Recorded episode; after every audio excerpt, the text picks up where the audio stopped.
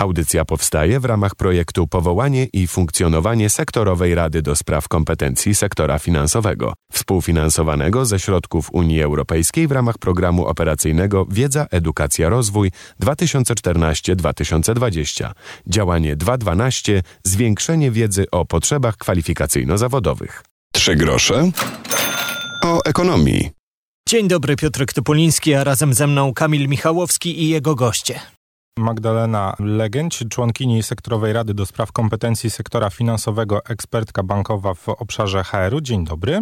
Dzień dobry. Oraz pan Jakub Wrublewski, Centrum Ewaluacji i Analizy Polityki Publicznej, Uniwersytet Jagielloński. Dzień dobry. Dzień dobry, witam państwa. Czy dobrym wprowadzeniem do tego typu rozmowy byłoby powiedzenie, czy ten sektor przez ostatnie pięć lat bardzo mocno się zmienił? Czy on się zmienił tak jak, e, tak jak widzimy to w mediach i tak jak się o tym mówi, czy jest trochę zupełnie inaczej? się bardzo zmienił i chyba każdy, kto jest klientem banku, odczuwa to na co dzień. Generalnie usługi finansowe podążają za klientem, podążają za potrzebami klienta i stylem życia klienta. To tak w dużym, w dużym skrócie.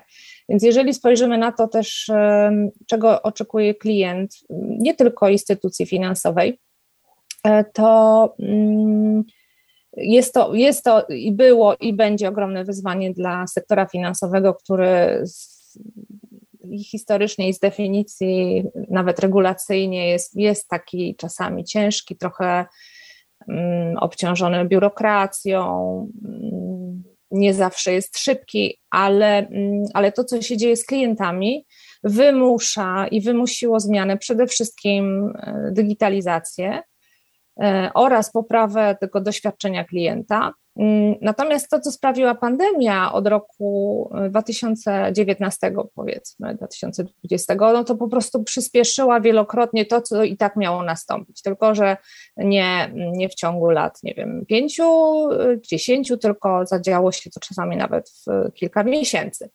Nasz rynek finansowy jak chyba sprostał wyzwaniom, które, no właśnie, po pierwsze postawiła przed nami pandemia, a po drugie stawiają przed rynkiem finansowym klienci. Od wielu lat obserwowaliśmy trendy charakterystyczne dla polskiej branży finansowej związanej z, czy z konsolidacją branży, czy z dużym naciskiem na, na klienta, na rozwój produktów cyfrowych, ale także na położenie nacisku na nowe potrzeby pracowników, na potrzeby nowego pokolenia pracowników, którzy wymagają czy oczekują na przykład większej elastyczności od pracodawców. Sektor finansowy w tym kierunku szedł, natomiast no, dwa lata temu um, powstał bodziec, który bardzo te zmiany przyspieszył. COVID jest bardzo silnym czynnikiem, który zdecydowanie zwiększył tempo wszystkich zmian związanych choćby z pracą hybrydową.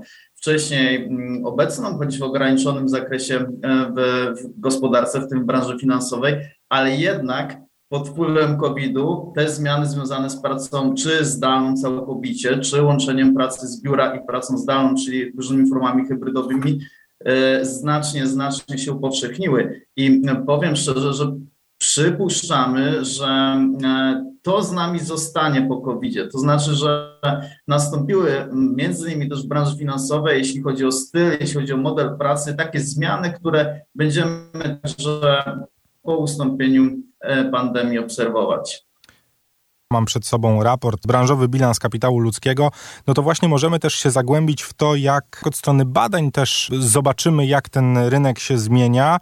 Y, no i pomyślałem sobie, czy możemy w ogóle mówić o jakichś trendach, które pojawiają się w ostatnim czasie na tym, na tym rynku finansowym, choć podejrzewam, że to będzie nieco związane z tym, co przed chwilą powiedzieliśmy. Była druga edycja naszego badania. Pierwszą edycję zakończyliśmy w roku 2018, czyli jeszcze przed COVID-em. E, wtedy zidentyfikowaliśmy siedem takich kluczowych trendów związanych właśnie z konsolidacją, z automatyzacją, cyfryzacją, e, z naciskiem na klientocentryzm e, i innymi czynnikami, które mm, są tymi najważniejszymi trendami związanymi ze zmianą w sektorze finansowym. Po trzech latach ponownie badaliśmy sektor, ponownie badaliśmy banki, firmy ubezpieczeniowe i instytucje działające na rynku kapitałowym I te trendy są dalej obserwowane. Dalej identyfikujemy tych samych siedem najważniejszych trendów, ale e, zobaczyliśmy także ten trend dodatkowy, właśnie ten związany z e, pracą w świecie hybrydowym, z cyfryzacją różnego rodzaju e, procesów związanych z, z realizacją codziennych obowiązków zawodowych. Czyli można powiedzieć, idziemy w tym samym kierunku, ale nieco szybciej niż przypuszczaliśmy jeszcze nie tak dawno temu trochę też takich wrzucę terminów, których nie było jeszcze kilka lat temu w słowniku opisującym sektor finansowy, e, ale takie duże, też duże zmiany, które się zadziały na przykład w, nie, w krajobrazie tego sektora. Pojawiły się firmy typu fintech, typu regtech, insurtech, tak? To są, to jest wszystko połączenie usług finansowych z, z technologią, z najwyższego stopnia technologią.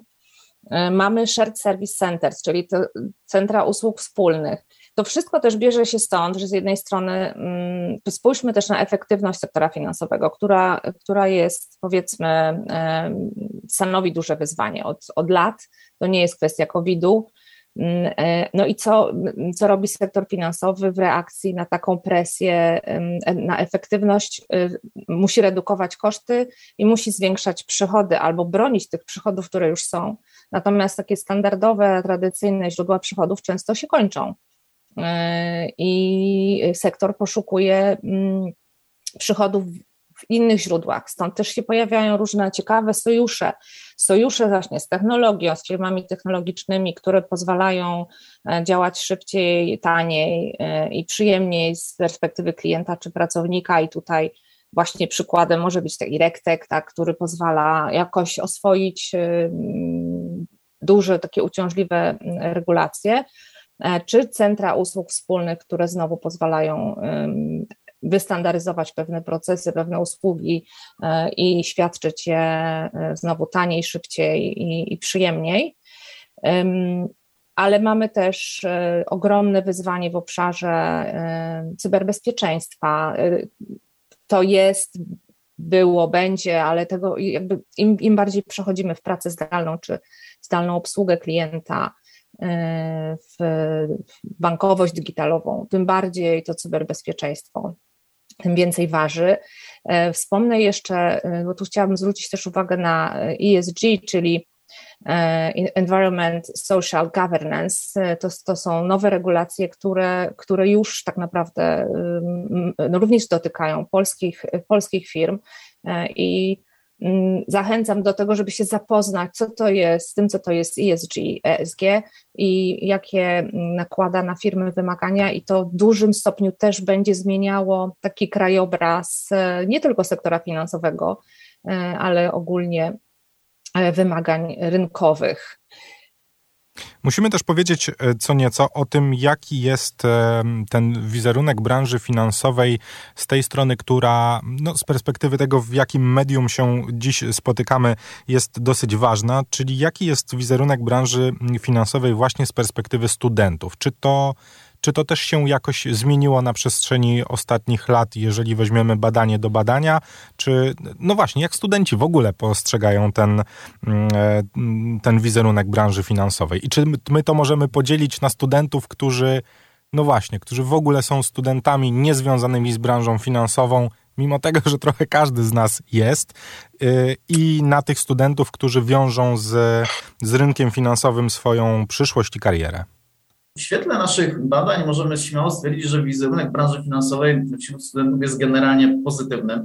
E, warto zwrócić uwagę, że e, bardzo korzystnie są oceniane mm, dwa istotne dla studentów elementy, to znaczy wysokość zarobków ale także pewność zatrudnienia. E, dodatkowo branża finansowo, e, finansowa w opinii e, osób, które mm, są pod koniec swoich studiów lub dopiero zaczynają karierę zawodową, branża finansowa oferuje możliwości awansu i jest przestrzenią mm, takiej aktywności zawodowej, która umożliwia rozwój kompetencji i umiejętności. Czyli instytucje finansowe są postrzegane jako takie, które e, dają pewną wizję, dają ścieżkę kariery, która pozwala długo długoterminowo, długoterminowo planować nasz rozwój zawodowy, nie tylko w perspektywie kilku, kilkunastu miesięcy, ale w perspektywie lat, nawet parunastu lat. Bo co ważne, instytucje finansowe są postrzegane jako jednostki stabilne, dobrze zorganizowane, i kładące nacisk mm, na wyniki. Także generalnie, generalnie wizerunek ten jest, e, jest pozytywny, choć tutaj warto zwrócić uwagę, że mm, różne grupy studentów e, akcentują różne aspekty pracy w branży finansowej. No, dla osób, które e, studiują kierunki finansowe, ekonomiczne, no to przede wszystkim taka zgodność profilu tej branży z jej wykształceniem i z tym, że to jest niejako naturalny wybór.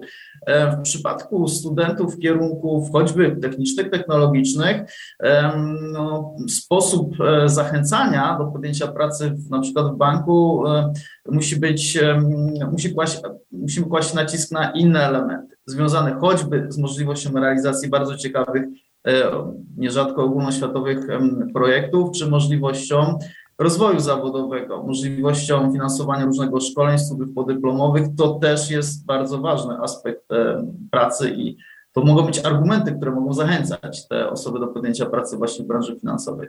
Ale czy my to już e, w tym badaniu jesteśmy w stanie wyłapać i wychwycić, czy na razie mówimy o tym jako o kolejnym wyzwaniu, które stoi przed tym, przed tym rynkiem właśnie żeby spróbować zachęcać tych ludzi coraz więcej, których oczywiście potrzeba, ale żeby pokazywać im, że, że może być to też kierunek zawodowy, no właśnie, nie tylko dla studentów, którzy, którzy idą na kierunki ściśle związane z finansami czy bankowością.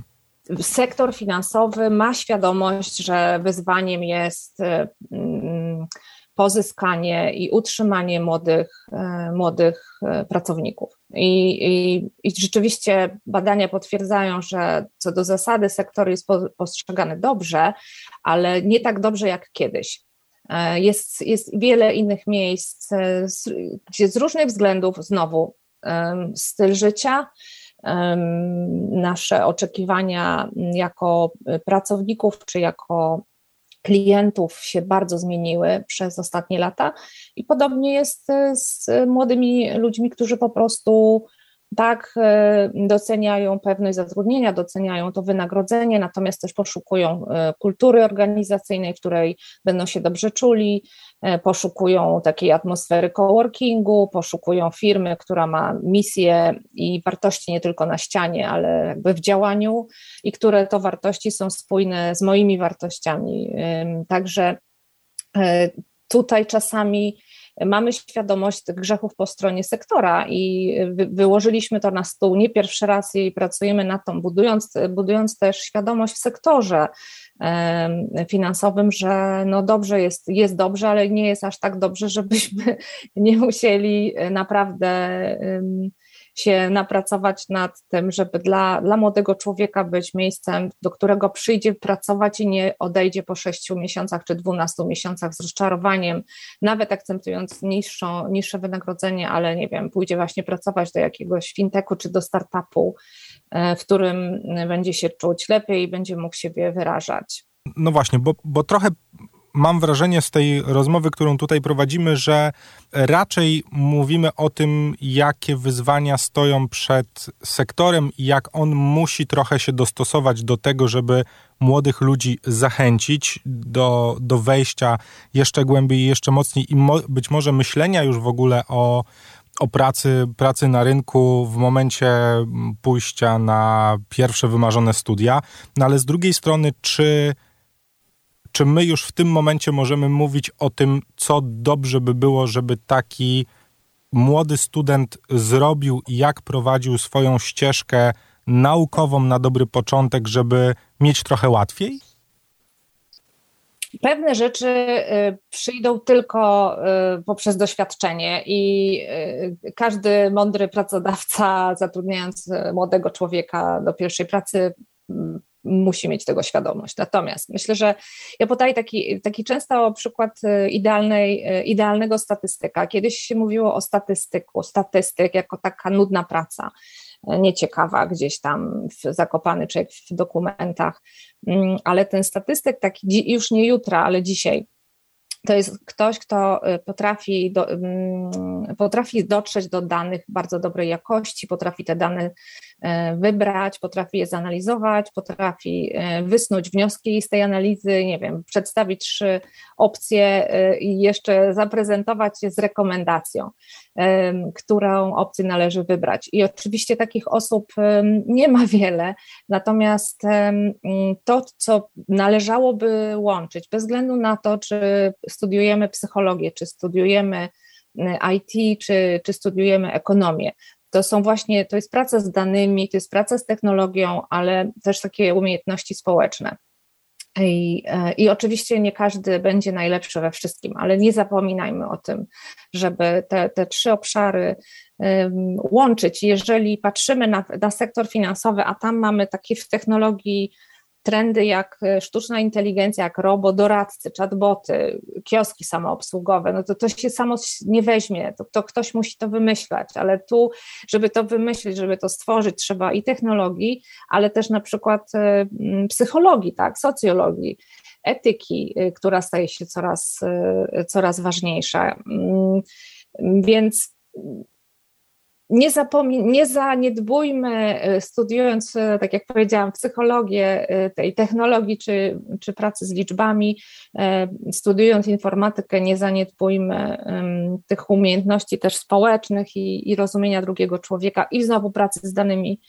Mm, I wszędzie się to nam przyda, nie tylko w sektorze finansowym na podstawie wielu, wielu rozmów z przedstawicielami działów HR, małych, dużych instytucji finansowych, mogę powiedzieć jedno, że z pewnością każdy, kogo interesuje ten sektor i chce się w nim rozwijać, może tam potencjalnie znaleźć e, przestrzeń e, dla siebie. I takie miejsce, mm, gdzie można rozpocząć pracę i naprawdę na wiele, wiele lat związać się z daną instytucją w której będziemy nie tylko pracować, ale będziemy się po prostu rozwijać jako, jako pracownicy, jako ludzie.